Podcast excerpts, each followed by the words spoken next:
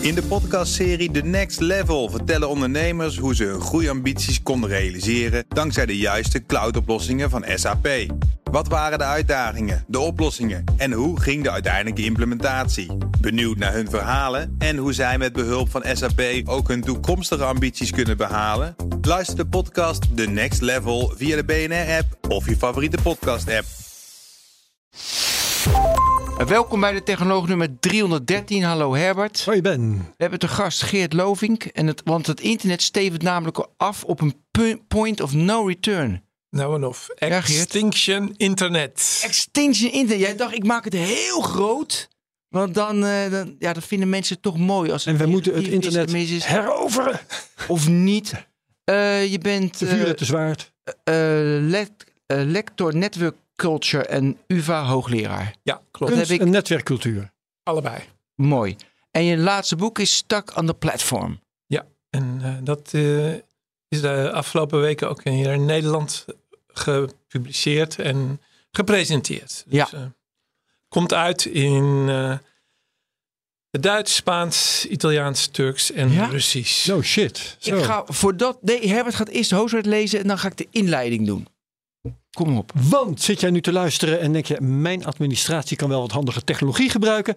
Check dan even MKB Brandstof. Ze bieden één autopas voor tanken, laden, parkeren en meer in heel Europa. Al je kosten verschijnen automatisch en 100% fiscus-proof, onthoud dat woord, op één verzamelfactuur. Het is super makkelijk.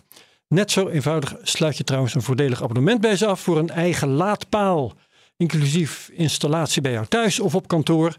Een data-abonnement 24-7, storingsdienst, oneindige garantie en maandelijks opzegbaar. Dus je kunt er ook weer vanaf. Vanaf 35 euro per maand. Nou, hartstikke mooi. Nee, Gert, ik zal het vertellen. Wij kregen natuurlijk een mail van jouw uitgever volgens mij of wij dit onderwerp wilden doen. Het had natuurlijk als eerste, weet je, Extinction Internet. Het internet is stuk en het gaat kapot. En denk ik, ja, daar hebben we weer dat negatieve. En ik wil juist altijd kijken naar mogelijkheden. Toen ging ik me in verdiepen. Dan ging ik ook jouw boek. Ik kreeg hem iets te laat binnen, dus ik heb hem ongeveer twee uur gescand. Maar het is, zit toch wel meer in. Dus ik heb ook een eerste vraag aan jou. In het, is het internet tot november 2022, tot nu, hè, dat we dit nu opnemen, mensen luisteren later, is dat netto positief gebleken voor de mensheid of netto negatief? En dan mag je alleen maar zeggen negatief of positief. Positief. Nou man, Dan gaan we naar huis. dan is dit gesprek over.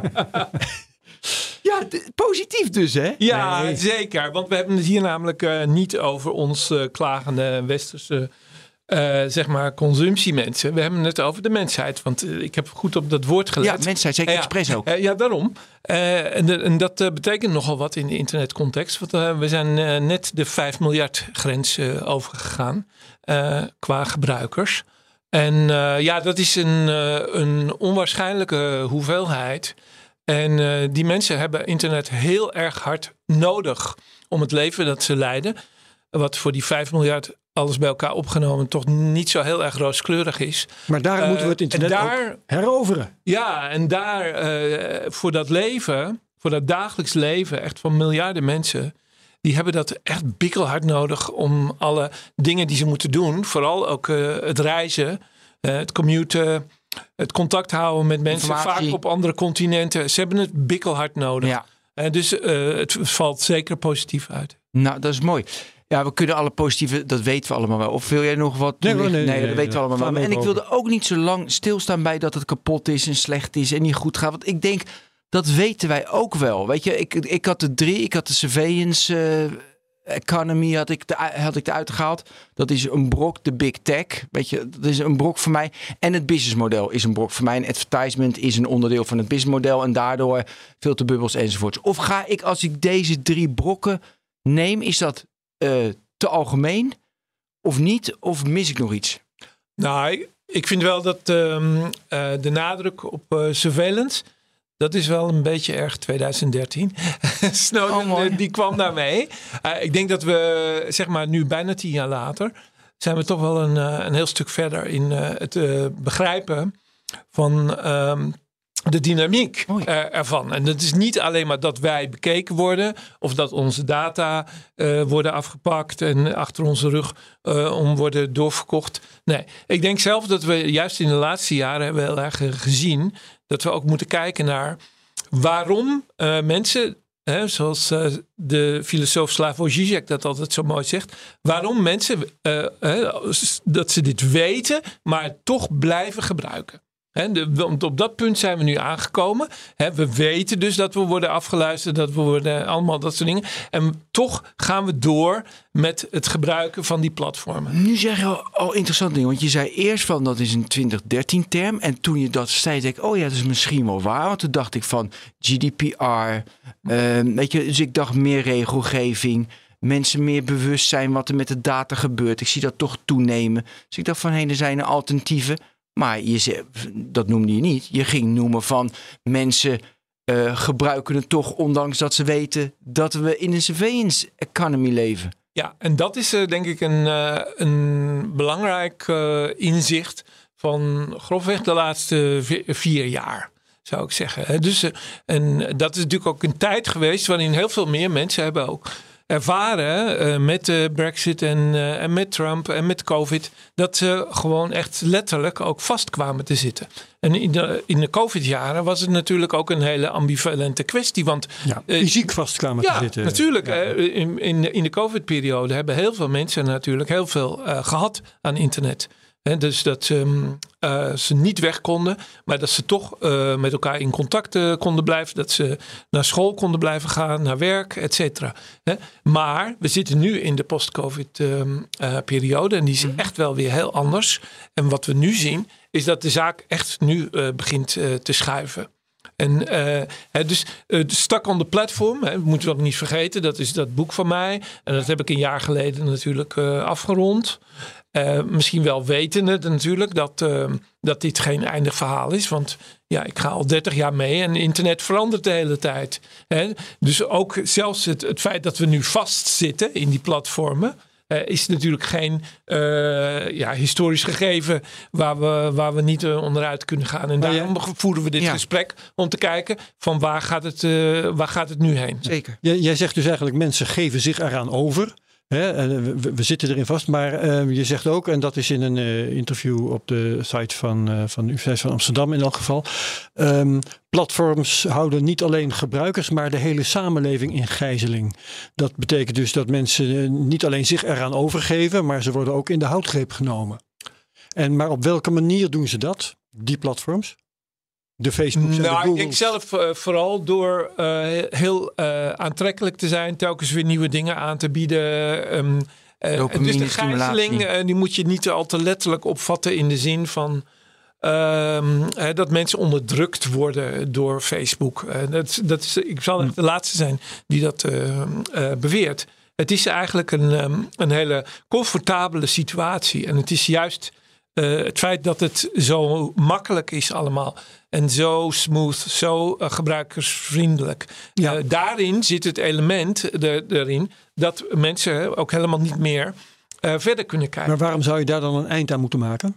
Nou, omdat we natuurlijk wel heel duidelijk de, de negatieve kanten daarvan heel goed nu hebben um, opgezomd. Hè, al wetenschappers wereldwijd zijn in de laatste vijf of tien jaar bezig geweest om die allemaal eh, op te sommen. En eh, ja, ik ben daar één van. En eh, ja, dat, is, dat loopt van verveling tot, eh, tot aan eh, er niet meer van weg kunnen, tot uit Ja. zuivere verslaving. Tot aan, ja, depressiviteit. Ah. eh, maar ook eh, natuurlijk alle, alle politieke machinaties die erbij hoort. Waar we natuurlijk ook allemaal bewust van, ons van zijn. Maar wat betekent het nu dat we dus het gebeurt?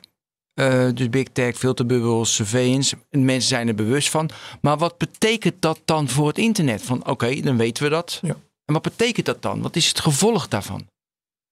Nou, het gevolg daarvan is dat eh, er een enorme consolidatie heeft plaatsgevonden. En die eh, heeft eigenlijk voornamelijk achter onze rug eh, plaatsgevonden. Natuurlijk is er een enorme groei nog steeds geweest. Als je kijkt eh, naar naar de hoeveelheid miljard, dat is- kabels, ja. de hoeveelheid eh, datacenters. Maar ook, hè, denk even aan, het is een heel belangrijk eh, getal. op dit moment, en dat is echt wel nieuw van de laatste jaren, 80% van al het internetverkeer is nu video. En dus eigenlijk zouden we al niet meer mogen praten over internet. Maar zouden we eigenlijk een nieuwe term ervoor moeten verzinnen. Dat het eigenlijk een nieuw soort uh, televisie is. Het videonet. Ja, een maar videonet. dat, dat, dat ben ik niet, dat ben ik niet mee eens. Nee, het gaat goed. niet om, een, om de hoeveelheid data. Het gaat erom over time spent. En het Ja. zou kunnen zijn dat mensen meer tijd lezen of scrollen op het internet dan dat ze video kijken. Ik vind, Maar, maar goed, op dit moment kunnen we dat verschil dus al helemaal niet meer maken. nee, dat kunnen we niet Hè? maken. Dus klopt. dat is, dat, is, dat, is, en dat is het lastige. En dat is toch wel een van de grote eh, verschuivingen eh, die eh, achter onze rug heeft plaatsgevonden. En die gaat heel erg nauw samen met die consolidatie in de hand van heel erg weinig grote, grote spelers. Die ook steeds meer eigenlijk van, van de infrastructuur op de achtergrond zeg maar bezitten. En dat was voorheen, natuurlijk, ik kom uit de jaren negentig, toen ehm, ging het natuurlijk voornamelijk eigenlijk nog om een, eh, om een universitair infrastructuur. eh, gecombineerd met een snel groeiende telecomsector, die dat eh, overnam. Als we nu kijken, hè, dan zien we toch dat eh, grote bedrijven als Amazon, eh, Apple, Facebook, Google. en Google Ja. vooral, dat die eh, niet alleen zo, eh, zeg maar de apps- we met ja, Azure. zeker. En dat ze niet alleen eh, dus, eh, de, de apps in handen hebben en eh, de content, maar ook de, in- de infrastructuur op de achtergrond. Ja, de fysieke, de, de, de kabels gewoon. hè. De kabels niet de datacenters. Ja, Ja, hè, ja, ja. en dat maakt het dus moeilijk op dit moment eh, om te zeggen van nou ja goed laten we het internet maar een beetje anders eh, gaan organiseren. Hè, en, eh, Ja, nee, dat, en dan- we zitten vast. hè, dus dan zit en, en juist ehm, met die ehm, afhankelijkheid van die andere infrastructuur, juist op dat moment zitten we gewoon eh, vast. Maar hoe zie jij dat heroveren dan voor je? Als we vastzitten, dan moeten we dus los zien te komen. Hoe doen we dat? Ja, ik denk eh, dat het ehm, ehm, niet mogelijk zal zijn om dat via het Brusselse model te doen. Hè? Want ook de nieuwe regelingen die, Ja, nu- die Nee, er nu maar aankomen. Hebben we het hier vaak ja, over. Ja, en die, die zijn toch nog steeds in laatste instantie eh, gebaseerd op eh, een, eh, een, een, een regulering die eigenlijk eh, eh, gedreven wordt door eh, boete en straffen. Dus eh, doe jij niet wat wij zeggen, dan sturen we jou een rekening. Met het Brusselse model bedoel je de Brusselse antitrustwetgeving. Ja. Ja. Dus ehm, dus eh, het zal er in die eh, aanpak ook nooit van komen dat bedrijven dus ook letterlijk op de ouderwetse manier worden opgeknipt. Dat bijvoorbeeld meta gewoon wordt opgeknipt in vijf delen. Of dat, ehm, of dat dat met Google gebeurt. Dat, dat, dat past helemaal niet in. Het enige wat zij doen is dus zeggen Ja. van nou, als jij, als jij niet doet wat wij zeggen, sturen we jou een rekening. Ja, maar ik ga nu even Brussel verdedigen, want Brussel doet meer. Naast de Digital Market Act en de Digital Service Act en de AI Act die er allemaal aankomt. Weet je, allemaal leuk. En jij zegt dat is traditioneel regelgeving en dat is eh, dus co- controleren boete. Dat werkt niet. Maar wat ze ook doen, het stimuleren van innovatie in Europa. Dat er kleine initiatieven komen. Er gaat alleen al naar de Chips Act gaat geloof ik al meer dan 45 miljard om de chip-infrastructuur hier. We hebben Gaia X hebben we het hier over gehad. natuurlijk. Natuurlijk Ja. allemaal, het is een zootje en dat werkt allemaal niet. Maar weet je, de, ze doen wel hun best. Het is ook belangrijk hè, dat je je best doet in je leven. Dus probeer, dat zijn natuurlijk de initiatieven. En, en een andere is eh, dat ze zorgen voor onderwijs, voor de mensen. Dat mensen digitaal bewust worden. Dus dat zijn de, de, de, de, drie, de drie elementen die je kan gebruiken om aan big tech te ontkomen. Regelgeving, bewustwording van mensen en, en het stimuleren van innovatie. Of mis ik er één? Of moeten we dit nog... Of heeft dit Ja, meer nee, aspecten? dat klopt wel. En ik bedoel, eh, Maar de vraag is of het genoeg is. ja, en ik, ik, Oh, vind het goed om, eh, om het te benaderen vanuit eh, hè, het idee van nou, ze hebben het beste voor. En het gaat hier om eh, goede bedoelingen. Ja. Ja, Ehm, maar ehm, een van de grote problemen daarbij is dat we eigenlijk nauwelijks nog eh, tijd hebben. En dat is, dat is een, van de, Ja. een van de grote problemen. Nu ga ik de, mee. de alternatieven die nu eh, zijn eh, op gang gebracht, die jij net eh, Ja. zo goed opzomde, die, eh, hè, die hebben allemaal ongeveer eh, vijf tot tien jaar Ja. eh, nodig hè, om, eh, om echt van kracht te En wat, wat gebeurt er dan voor die tijd? Waarom is het te precies. laat? En dat is, dat is het, het lastige. Dat dus de afhankelijkheid die we nu hebben, en waar, dat we er dus vanuit moeten gaan, Ja. dat die in de komende, in ieder geval de komende vijf jaar, en misschien ook wel eh, tien, dat die eigenlijk nog verder groeit. En dus, eh, dus dat betekent maar dat gebeurt er iets onherstelbaars dan? nou, het is op een gegeven moment eh, toch wel de vraag of eh, ehm, eh, bijvoorbeeld als we het hebben over, over de infrastructuur en de, en de, de kabels, ook op, op de globale niveau, of eh, een eh, andere Europese eh, architectuur die wij dan hier uitdenken, of die bijvoorbeeld nog enige zin heeft als we het hebben over de, over de globale context.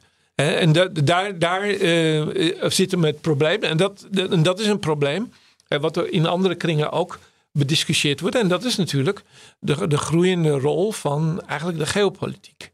En dus dat we zeggen van nou goed, we hebben straks een, een, een mooi eiland van 500 miljoen eh, gebruikers en consumenten. Dat heet eh, Europa. En dan, maar we hebben ook een, een steeds eh, zich verder afsluitend mm, internet in China van anderhalf miljard mensen. Nou, wat er in, in Amerika gaat gebeuren is, zou ik zeggen, totaal ongewis. Want dat is eh, behoorlijk eh, eh, onduidelijk.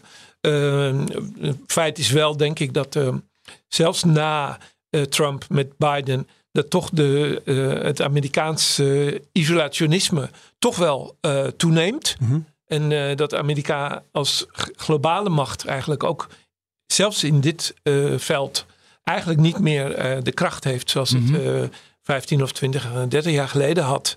En dat betekent dus dat we, als we het hebben over de toekomst van het internet, dat we toch eh, de, de, de geopolitieke kijk, dat we die, die eh, veel serieuzer eh, moeten gaan nemen. Waarbij we dan misschien kunnen zeggen dat er een eiland is, wat eh, Europa heet, waar dan misschien een aantal dingen ja, wat beter eh, geregeld zijn. Ja. Ja, maar als ik, eh, ik, ik weet niet of ik het goed begrijp. M- mijn vraag was, eh, wat, wat gaat er mis eh, tussen nu en over tien jaar? Hmm. En dan kom je met het verhaal over die eilanden. Is, is dat wat je bedoelt? Dat, Ja, eh, nou en een, of. een soort ehm, ja, eilandvorming inderdaad. eh, Ja, en dat, internet. eh, en dat maakt het heel moeilijk om, ehm, om vanuit onze positie hier in Nederland of, eh, of in, binnen de EU te kijken naar het globale plaatje. En ik denk zelf dat Europa eigenlijk zeg maar die grip op de globale infra- infra- infrastructuur en architectuur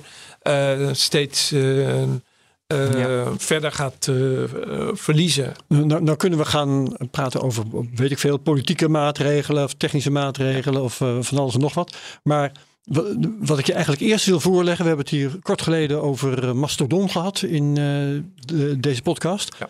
Ehm, alternatief, ja, in elk geval voor Twitter, maar eh, je kunt dat breder zien en het kan alternatief zijn voor allerlei vormen van sociale netwerken. Dat is dus, was het één of twee weken geleden. Ben Twee weken geleden Twee weken geleden met Frank Meeuwse.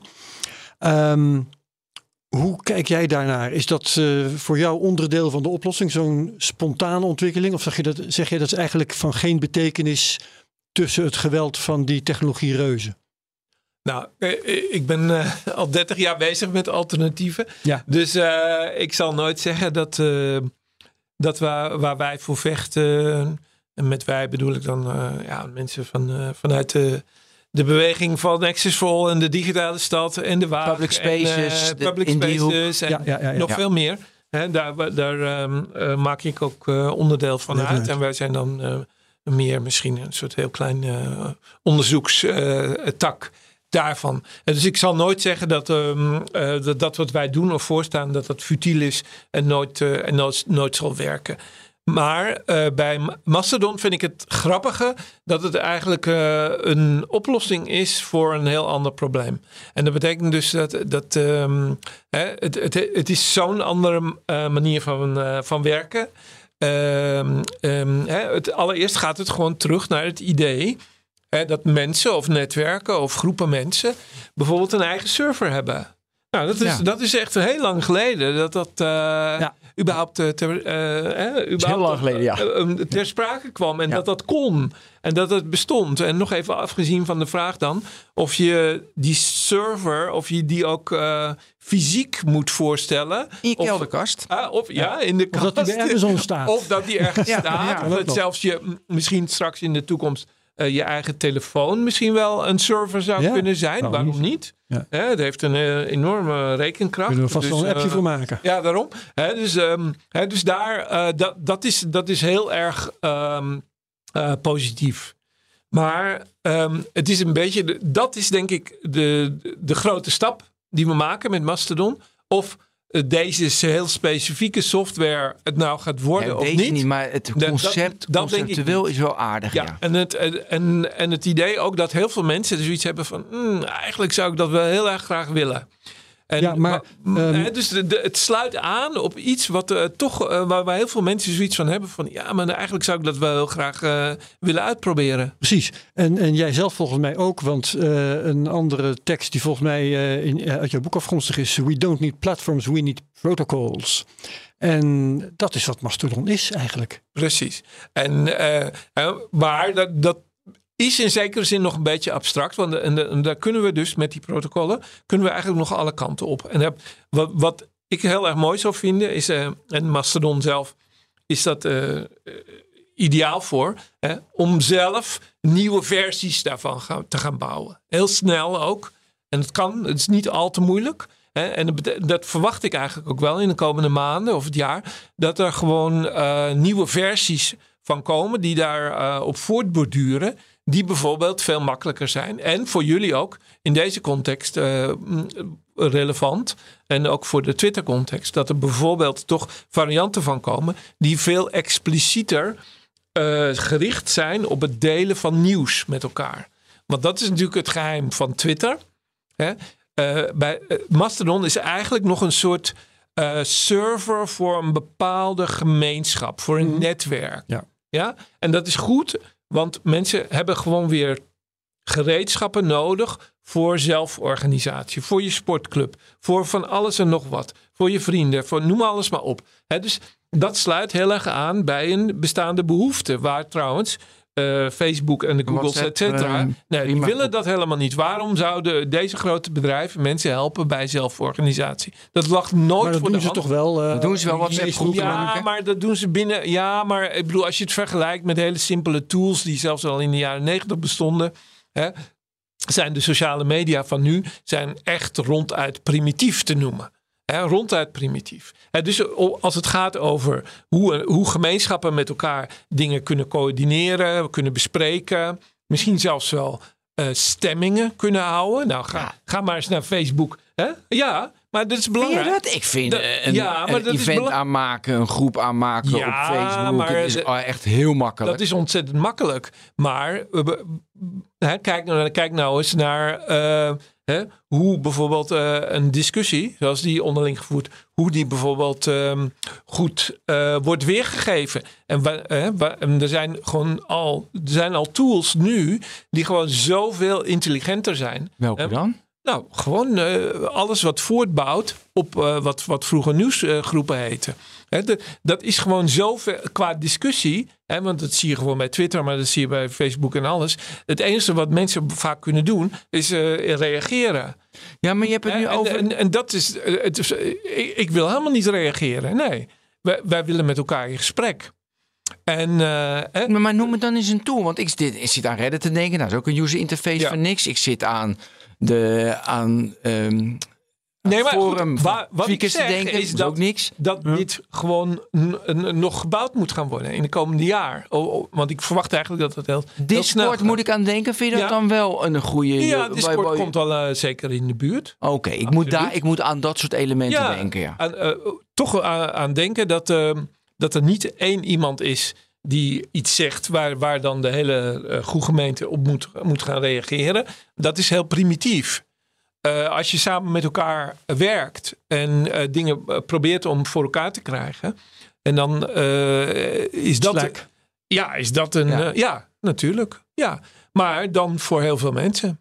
Ja, en liefst niet in handen van eh, een commercieel bedrijf. Nee. Dat dat eh, voor zijn eigen belangen wil Daar gaan hebben we het nu over. We hebben het over protocollen.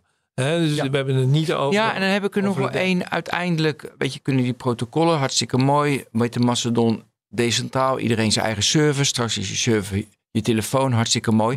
Maar om mensen te ontmoeten, dan wil je meerdere mensen ontmoeten, heb je toch weer iets centraals nodig. Want daar gaan we met z'n allen naartoe. Daar interacteren we. En dan wordt het toch weer centraal. Ja. Nu denk ik even aan FTX, Binance en alle crypto. Crypto Natuurlijk. decentraal, maar je gaat naar één punt toe. Daarom- want dat is lekker makkelijk. Precies. En daarom denk ik ik dus ook van eh, een van de geheimen, een van de geheimen die we z- zullen, eh, zullen moeten kraken. hè? Ja. Hè, dat, dat is, Hoe gaan we dat dat kraken? is namelijk dat, dat eh, eh, element dat we met grotere groepen zeg maar eh, dingen delen die we met elkaar gemeen hebben. Of, eh, hè, of bijvoorbeeld eh, zoiets als nieuws. Hè? Een, een, een- een gemeenschap kan gewoon dingen eh, met, voor elkaar regelen. kan, kunnen dingen voor elkaar krijgen. Kan zelfs ook.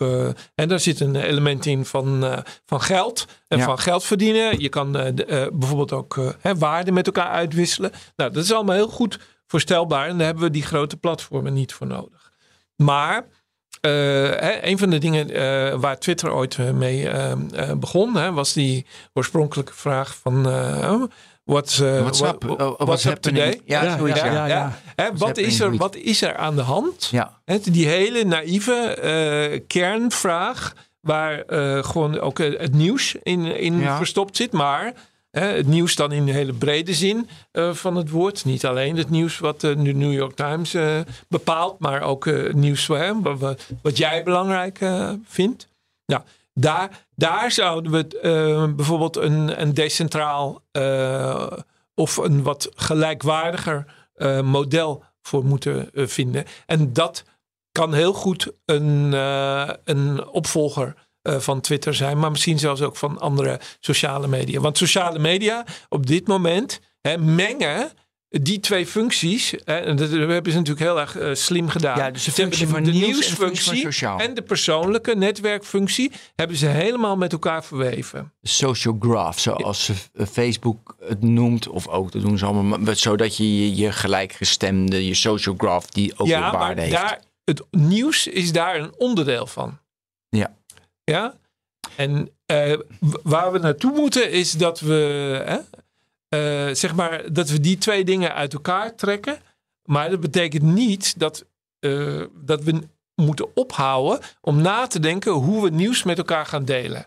Want ik denk zelf dat de sociale netwerkenkant, die, die, kan, die kan opgelost worden. En daar zien heel veel mensen heel veel in. Ontstaan er nu wel of niet filterbubbels door social media? Want daar is wat de laatste tijd wat onderzoek naar geweest Ja. dat het helemaal niet zo is. En terwijl we allemaal denken, door social media kom je in een filterbubbel, want je krijgt alleen maar het nieuws te zien waar jij eh, in doorgaat en wat je mooi vindt. En de rest krijg je niet te zien, waardoor je in die bubbel geraakt. Maar er zijn nu steeds meer onderzoeken die zeggen van nee, als je kijkt naar de mensen, krijgen ze juist diversere blikken op mensen die op social media zitten. Wat is, eh, wat is jouw eh, richting? Allereerst denk ik dat, eh, zeg maar, vanuit het sociale leven online, dat een bubbel niet slecht is. En dus dat, dat, je je af, ja, dat, het en zo gewoon- fijn een bubbel. Ja, nee, goed, natuurlijk. Ja, je, je zit gewoon met de mensen die je kent, waar je Ja. dingen mee doet. En da- daar is op zich helemaal niets op Geen tegen. Laten we dat even eh, Ja. vaststellen. Ja, het idee dat je jouw sociale leven, ja, en dat dat, die, dat dat niet gedreven moet zijn van ja, maar ik moet nog eh, duizend meer vrienden hebben of zo. Nee, joh, we het geloven allemaal dat plat idee van, van Heerlijk. vrienden, dat moet helemaal eh, weg. Ja. Want het sociale leven, dat moeten we als het ware toch eh, weer gaan heroveren. En daar hoort eh, bijvoorbeeld ook een hele nieuwe eh, definitie bij van wie eigenlijk je echte vrienden zijn. En die, vrienden die zitten in je bubbel en dat is op zich goed. Daar is niets meer mis. De, de filterbubbel waar we het over hebben, zit eigenlijk meer aan de nieuws en aan de publieke opiniekant. Want daar gaat het namelijk over meningsvorming. En, en daar En, gaat en, en feitenkennis niet ja, vergeten. feitenkennis, meningen en eh, hè, alles wat, wat wij eigenlijk eh, met nieuwsmedia eh, associëren. En dat is natuurlijk niet alleen maar eh, wa- wat er eh, in, op- in de laatste paar uren is gebeurd. Hè, maar dat is natuurlijk ook achtergrond. En dat is, dat is ook gewoon eh, opinievorming. Eh, en daar. eh, Nu maak je het moeilijk voor me hoor. ja, maar die filterbubbels die zijn dus echt gefocust op de meningsvorming. Weet ik, maar kijk, jij maakt dat onderscheid. En dus ik probeer mee te gaan in mijn gedachten met het onderscheid. Maar dan zie ik even, ik zit in mijn sociale groep en wij houden van voetbal. Ja. Is niet zo, maar stel je voor. Maar dan gaat op een gegeven moment toch iemand zijn mening geven over voetbal. Of, zijn, eh, of het nieuws over voetbal. Dus dat integreert altijd. Dus dan komen wij, meningsvorming, dan kom ik in de filterbubbel. En dan zegt iemand, ja dat klopt, die, eh, die Promes. Ja. Ja. ik ken al die voetballers niet. Die Promes- Promes. ja, die zit nu in Moskou en die heeft een vechtpartij. Nou ja, dat heb ik gezien. Nou, ja, u, ja, dat sloeg echt helemaal nergens op. Oh man. Maar dat hij ook mag voetballen nu in Moskou, begreep ik al helemaal niet. Nou ja, hij is gewoon in Nederland verdachte in een of andere... ja, je criminele zaak. Mo, je bent de technoloog, we kunnen alle kanten op. maar terug. Ja, nee, ik snap eh, Ja, wat je bedoelt. dus help me even. ehm, kijk, eh, ik zelf geloof heel sterk dat eh, het sociale leven, dat het gewoon iets is waar je zelf je eigen zeggenschap over moet blijven houden. En het feit dat daar ook meningsvorming plaatsvindt en dat je misschien zelfs binnen je voetbalclub discussie hebt, dat is, dat, dat, daar heb je gelijk in. Dat komt gewoon, Ik dat is goed. Dat is goed. Eh, dat gebeurt ook op verjaardagspartijen. en Het gebeurt overal. Op werk. Ja, dat is, maar dat is het punt niet. Waar we het over hebben, nogmaals, dat Ja. is natuurlijk. eh, we hebben het over eh, nieuws en over publieke opinie en over de, Nee, de maakkant daarvan en de, de, het manipuleren Ja. daarvan. Nee, maar Want, want dat is namelijk iets wat gebeurt. dat gebeurt. Nee, maar even in die groep met voetbal te blijven. Ja. Ik heb hem nu.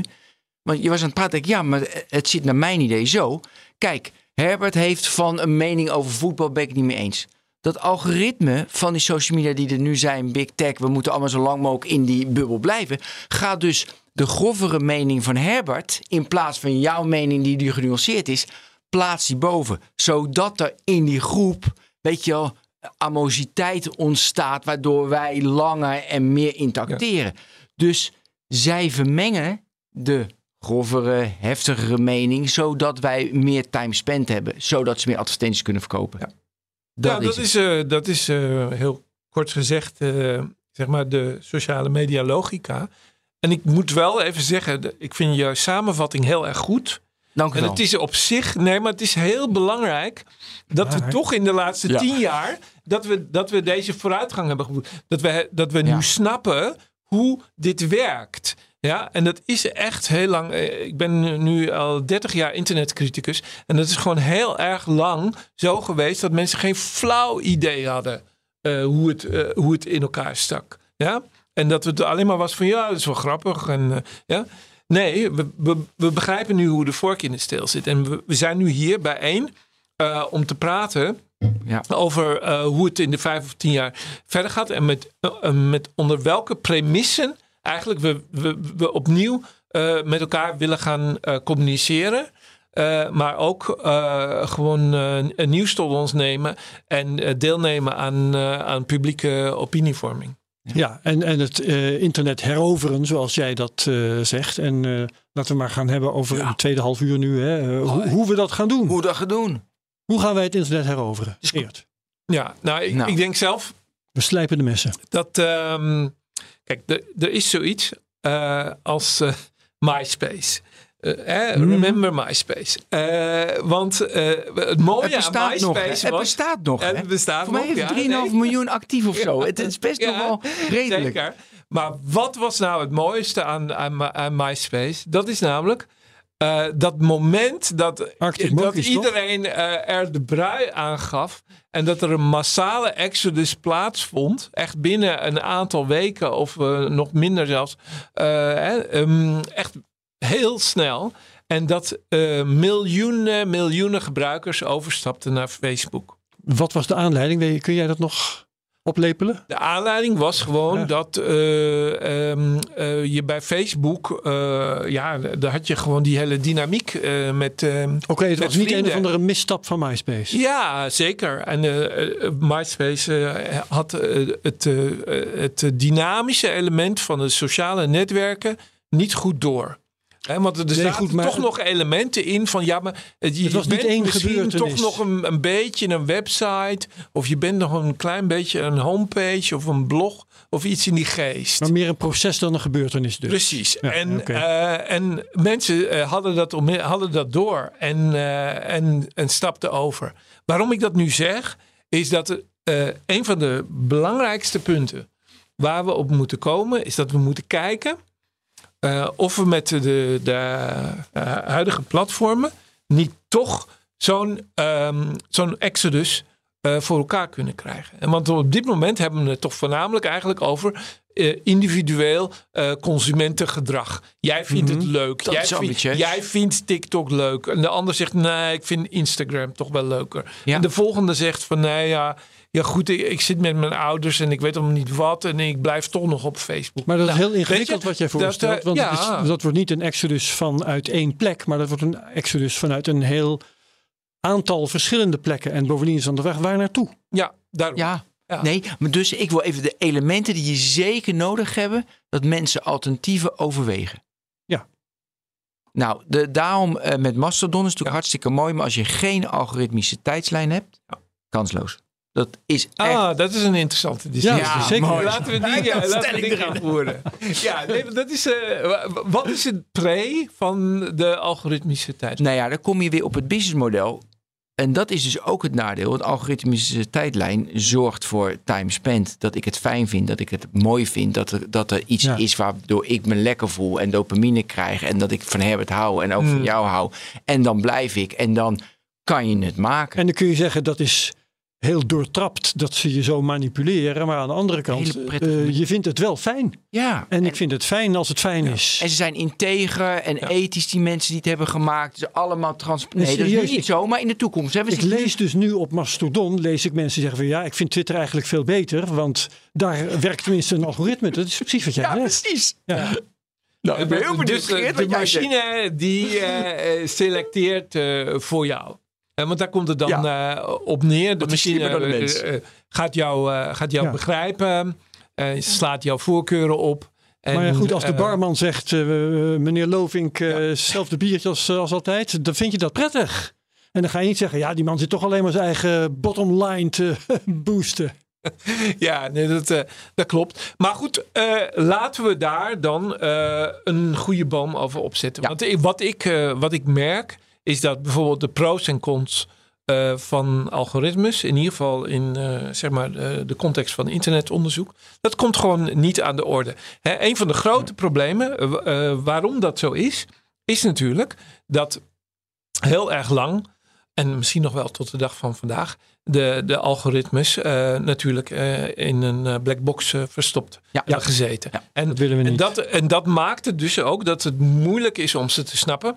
En, dat beta- en dat zorgt er dan vervolgens ook voor dat het nog moeilijker is om daar een publiek debat over te voeren. Wat een, zeg maar, een geïnformeerd publiek debat zou zijn. Want ja, eigenlijk ehm, zitten we met z'n allen toch in, in die grot van Plato en kijken een beetje naar die, eh, naar die schaduwen. En eh, dus dat betekent, want ik vind ook van la- laten we dit debat voeren. En dat betekent ook gewoon dat het misschien wel zo zou kunnen zijn dat we gewoon eh, nieuwe experimentele algoritmes zelf schrijven, zelf introduceren. Hè, want de discussie die we tot nu toe voeren is van ja, maar we weten van niks, omdat Google en Facebook en al, al die andere mensen die geven ons geen toegang.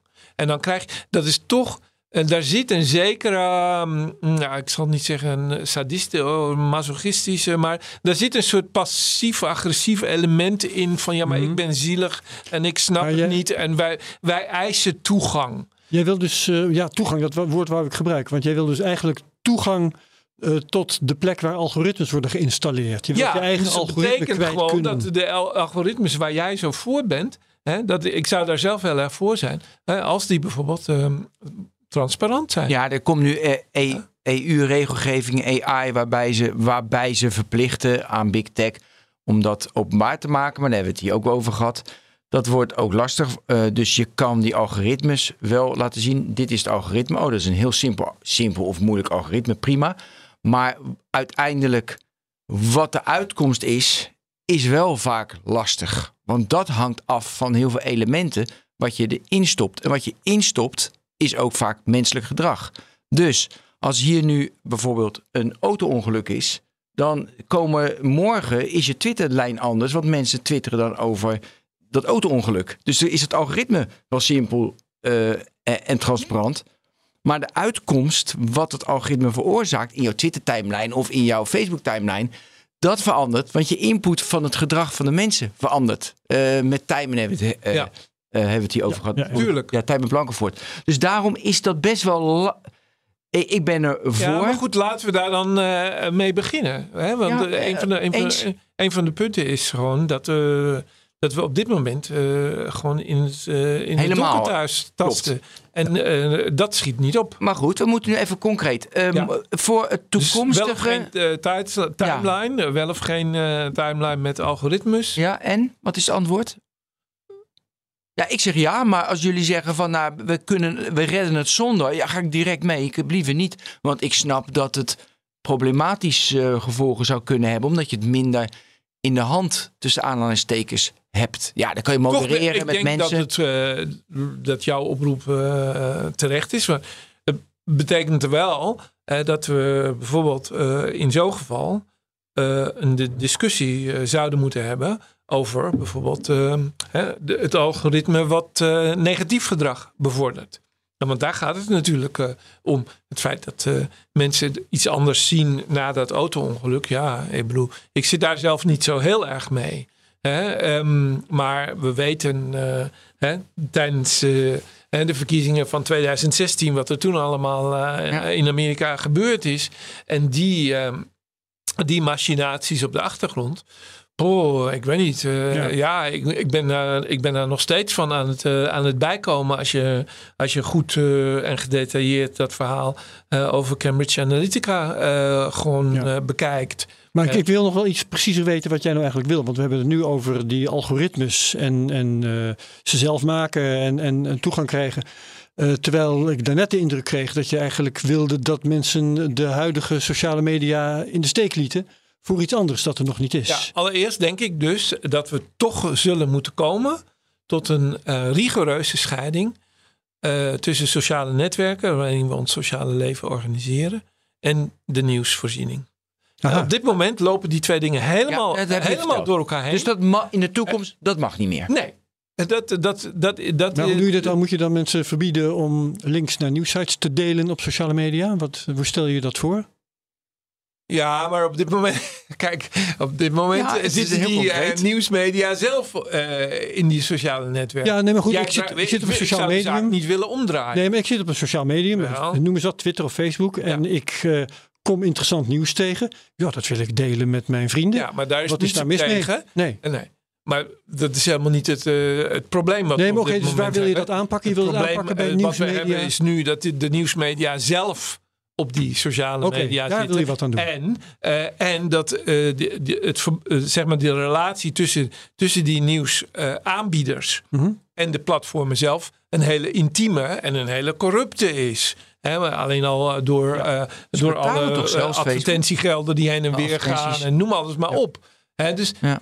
daardoor zijn deze dingen helemaal niet meer uh, te scheiden. Dan, dan uh, denk ik dat je onvermijdelijk terechtkomt bij het uh, een verbod op bedrijven om een, een, aanwezigheid te hebben op sociale media. Nou, of, of kun je... op sociale netwerken. Hè? Want ik zou zelf ja, bijvoorbeeld okay. al um, af willen van de, van de term sociale media. Ja, hè, dat, is, dat, oh. dat is, ik las het in je boek. Dat is, het is het einde van de network society. Ja, dat is, uh, ja, van, van dat, is, dat is echt een probleem. Dat, ja. ja, en hè, dus, uh, we moeten naar uh, de platformen zwermen en kuddes. Ja, want kijk, op dit moment zijn er technisch gesproken en sociaal gesproken zijn er nog wel sociale netwerken, hè, maar die zijn helemaal geïntegreerd en, en die bestaan binnen de muren van eh, de platformen. Ja? Ja. Dus eh, dat, en dat is, het, eh, dat is het probleem, ook technisch trouwens.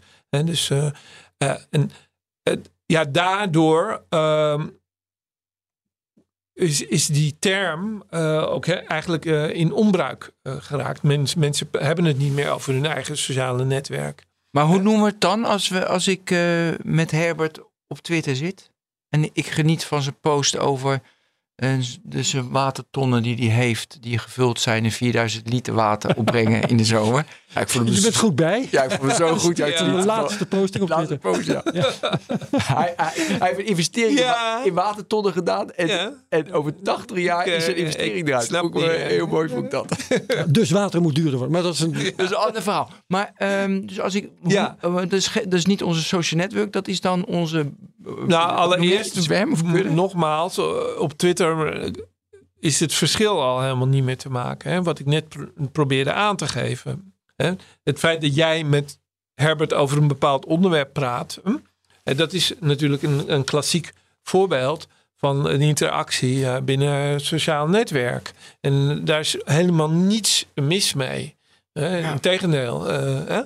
Wat het om gaat is eh, dat dat eh, door anderen wordt gelezen en dat daar eh, een hele andere ehm, eh, zeg maar, dynamiek gaat ontstaan die we eigenlijk helemaal niet, niet willen. Want waarom als jij dat Ja, tegen ehm Herbert zegt, dan in- op het volgende moment krijg jij een advertentie eh, van, een, van een van waterton. denk ik, Nou, et cetera. 80 jaar. En, en, en eh, verandert daardoor weer eh, jouw eh, nieuwsvoorziening. Kijk, daar moeten we vanaf. Ja.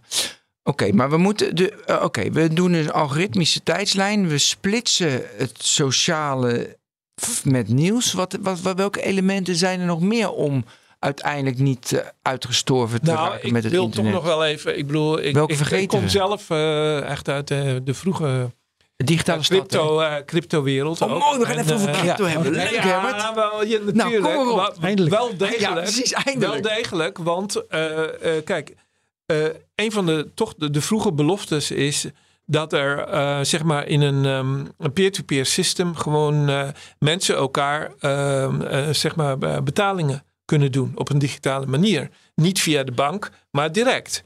Nou, en ik denk zelf eh, dat eh, hè, eh, er is altijd gezegd van ja, waarom zijn de sociale media zoals die nu zo groot zijn geworden zo slecht? Nou, hè, dat komt omdat eh, ja, het is worden helemaal gedreven door advertenties, et cetera. Ja. Dus als we van dat model af zouden kunnen komen, ja, dan ontstaat er toch meer ruimte voor eh andersoortige betalingssystemen. Dat kan niet anders. Dat- hè? En, eh, en dat is toch wel een van de. Hè, hoe, hoe corrupt en hoe eh, zeg maar. rechtslibertair op dit moment de hele crypto-wereld ook is. En ik hou me daar in het Moneylab-project al, al, al tien jaar mee bezig. Hè, en ik kom zelf uit, uit die scene uit- in de jaren negentig. Dus ik weet heel erg goed dat die, politiek gezien helemaal een, eh, een, een andere eh, kant op gegaan is. Maar de belofte dat mensen directe Ja. betalingen aan elkaar kunnen doen. eh, die deel ik nog steeds. En ik acht dat het Ja. nog steeds is dat een onderdeel van de oplossing. Ja, maar ik snap, om- omdat jij in 2000, eh, 2011 10.000 euro aan bitcoins hebt gekocht, snap ik dat je zo praat en nog steeds niet verkocht hebt. Dus ik snap dat je zo praat. Maar ik vind het wel interessant dat je dus het businessmodel aan moet pakken. Want inderdaad, advertenties doet heel veel.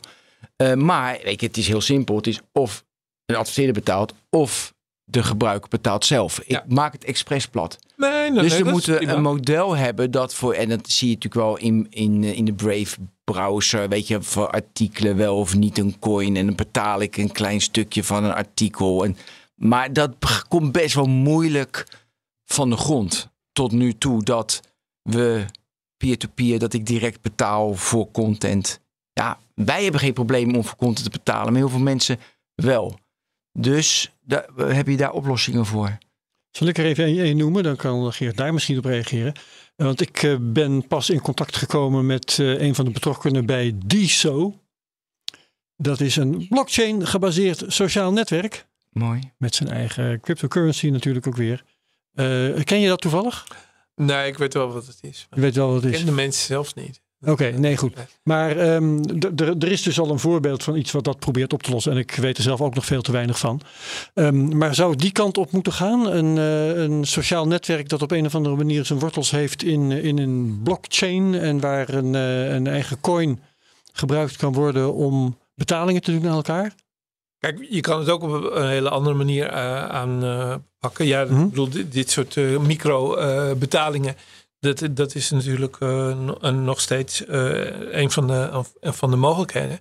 Maar we zouden het ook net iets centraler eh, kunnen aanpakken. Bijvoorbeeld gewoon toch via eh, mm, ja, de abonnementen. Mhm. Eh, op dit moment eh, nog steeds men- mensen vergeten al helemaal dat ze gewoon nog steeds een abonnement betalen voor het internet. Hè, dat, is, Ja. dat, dat idee dat mensen eigenlijk betalen voor het internet. Eh, de meeste mensen staan Ja. he- eigenlijk helemaal niet bij stil. Terwijl ze het toch doen. Ja. Ze betalen het via, via hun telefoon. Ze betalen het eh, via hun. Bedoel je te eh, zeggen dat we dat eigenlijk zouden kunnen afschaffen? Nou, we zouden dat bijvoorbeeld op een andere manier kunnen gaan, gaan organiseren. Ja, hoe dan? Nou, dat je bijvoorbeeld toch, bijvoorbeeld eh, hè, als we het dan hebben over, over de public spaces, dat we de, de- het abonnementsgeld, wat eigenlijk nu al wordt betaald. Het is dus helemaal niet zo dat je iets nieuws eh, introduceert, want mensen be- betalen nu al eh, voor, voor, dat, eh, voor het internet. Toegang, ja. Ja, voor toegang. En, dus, eh, en op die manier zou je heel makkelijk eh, eh, bijvoorbeeld, ehm, ja, wat wij dan nu kennen als eh, de publieke omroepen of, Ja. of het financieren eh, van, eh, ja, van, van, van, van, van kranten of websites of noem het maar op. Eh, dat zou, op een hele makkelijke manier anders eh, gedaan kunnen worden. Zonder de individuele betalingen eh, per artikel. Waar dan, hè, want misschien is, klopt dat wel. Ik denk zelf dat dat het niet gaat worden. Wat niet? Nou ja, dat, dat je per artikel of Nee, per nee, video... zeker niet. Nee, nee, nee, ik ook dus niet. Dat, dat, we- dat, gaat het gewoon niet Maar worden. om, dit, om dit tot de es- essentie terug te brengen. Je zegt eigenlijk, we betalen, betalen toch al voor toegang. Doe daar wat bij. En dan betaal je meteen ook voor je sociale netwerk. En dat financieren we op die manier. En dan kan dat non-commercieel verder eh, zodanig ingericht worden dat het gewoon het beste is voor iedereen, wat dat ook is.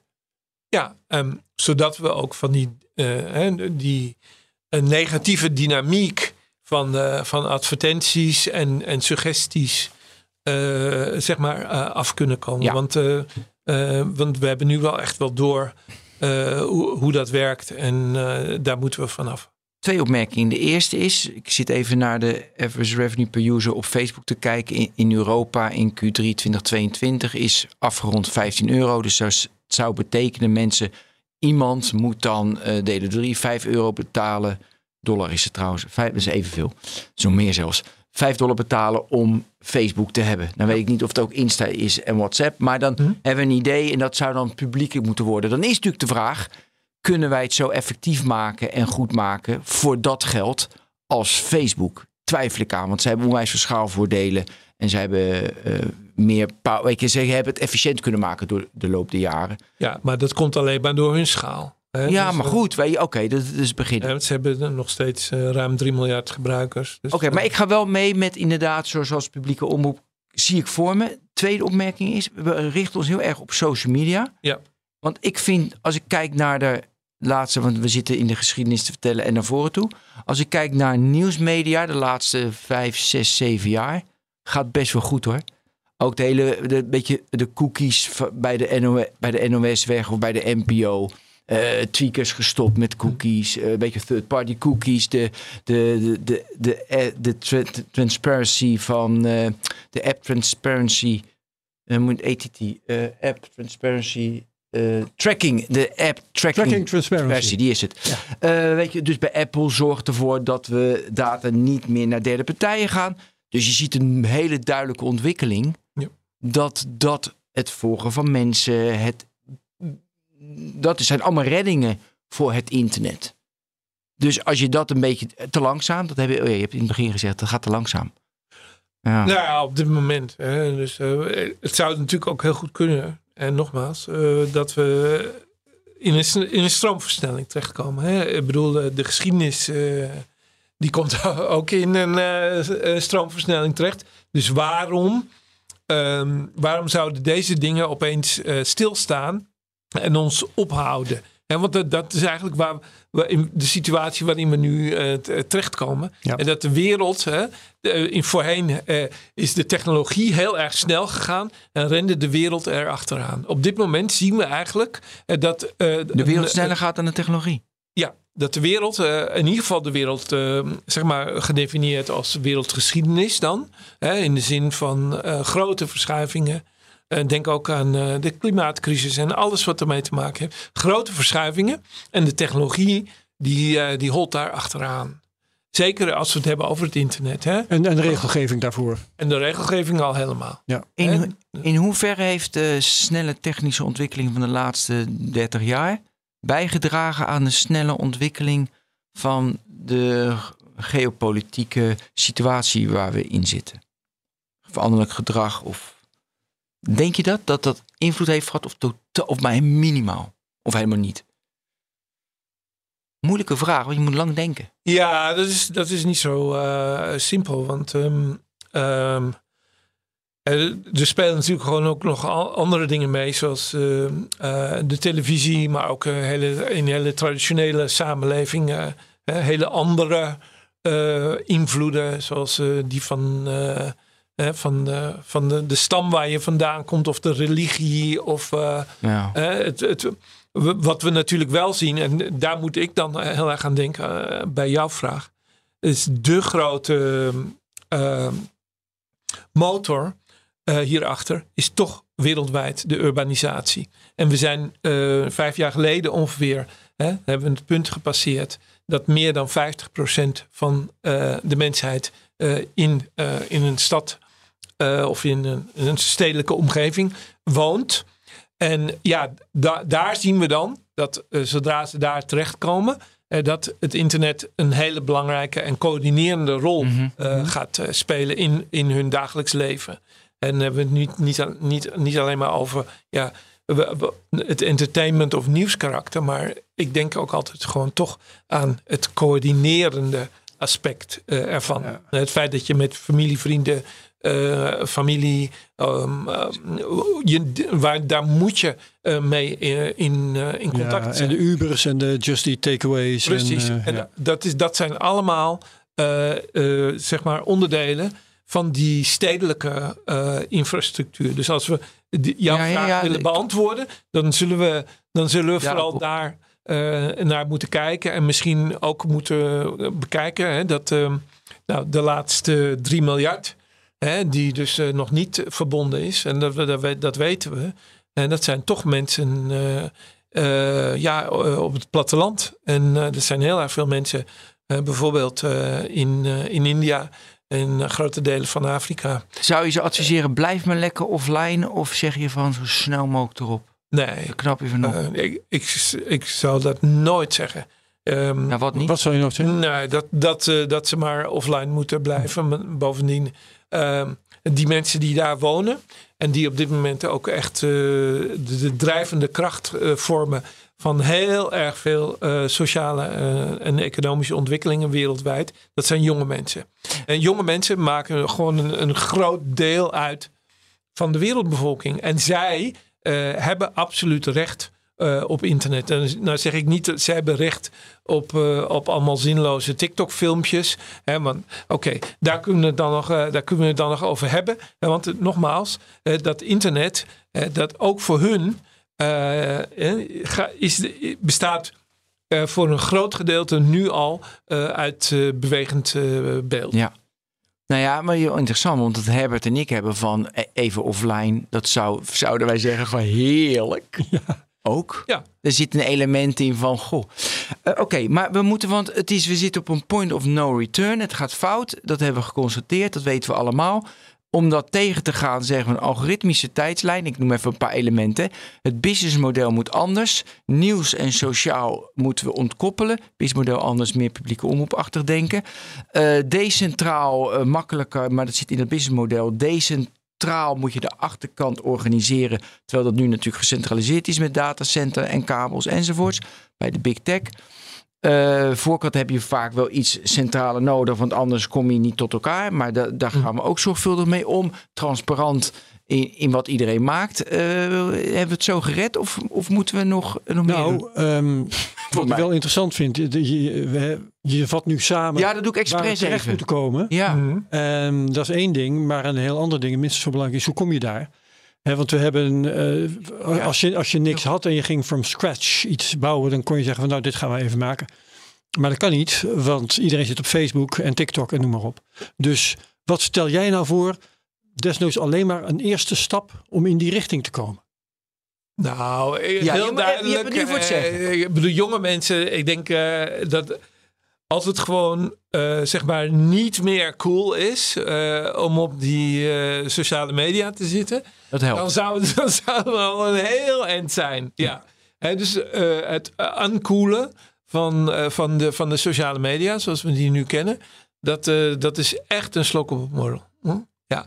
En, en ehm, ja, de- de- en dan kun je terecht natuurlijk de vraag stellen: is dat een marketing eh, kwestie? Hè, want gaat het dan over het image eh, Ja. ervan? Ehm, ik denk zelf dat eh, jongeren heel erg bewust zijn van de negatieve impact ehm, van, van de sociale media op, op hun dagelijks leven.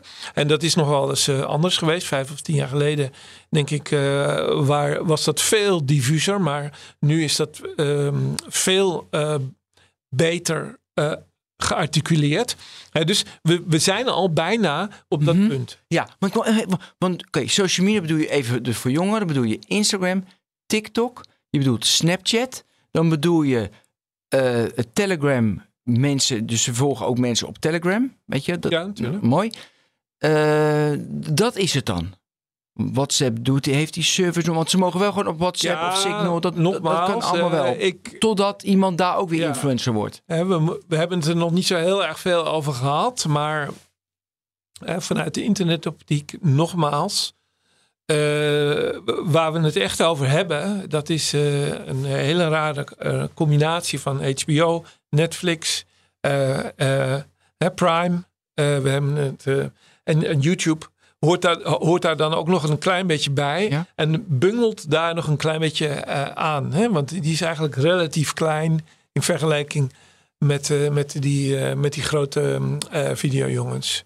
En als we het hebben over de, de leefwereld van, van jonge mensen, dan moeten we ook dat natuurlijk eh, Oh, hierbij. Moeten ook bij ja, nou absoluut. Absoluut. kijken heel veel YouTube, ja. Ja, Gewoon heel erg veel. Veel ja. meer nog dan, eh, dan Dus dat zie je dan ook als social wie dan media. ook eh, eh, zou, zou kunnen denken. En, eh, eh, en, de- en dat betekent toch dat we eh, ja, daar op een andere manier eh, naar moeten kijken. En ik zou het zelf ook heel interessant vinden om eens een gedachte-experiment te doen over hoe online video eh, er anders uit zou kunnen zien na YouTube. En daar, daar horen we heel weinig over. Hè, want het enige wat eigenlijk gezegd Is er een wordt... initiatief? Nee, er, zijn, er is heel weinig. Het enige wat je kan zeggen van de TikTok zelf is...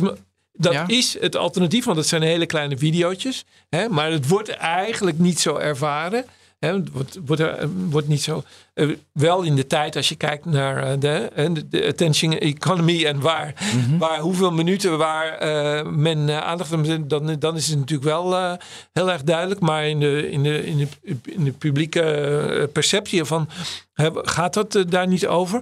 Dus ik denk zelf dat ehm, het nadenken over, eh, over wat be- eigenlijk bewegend beeld zou zijn. Ehm, eh, en, en kunnen zijn. En, da- en daar we kunnen daar nog veel meer experimenten eh, gaan doen op dat vlak. Nou, de tijd zit erop. Geert, eh, we zijn er nog niet klaar mee. Nee. Jongen, jongen. Herbert, bedankt. Ja, graag gedaan. Jij ook bedankt. Ja, Geert Ben. Loving bedankt. Ehm, HV, HVA, lector netwerkcultuur en UvA, hoogleraar. Dat staat op je LinkedIn. Hartstikke mooi. Dit was technoloog nummer 313. Tot de volgende technoloog. Hoi. Bye bye.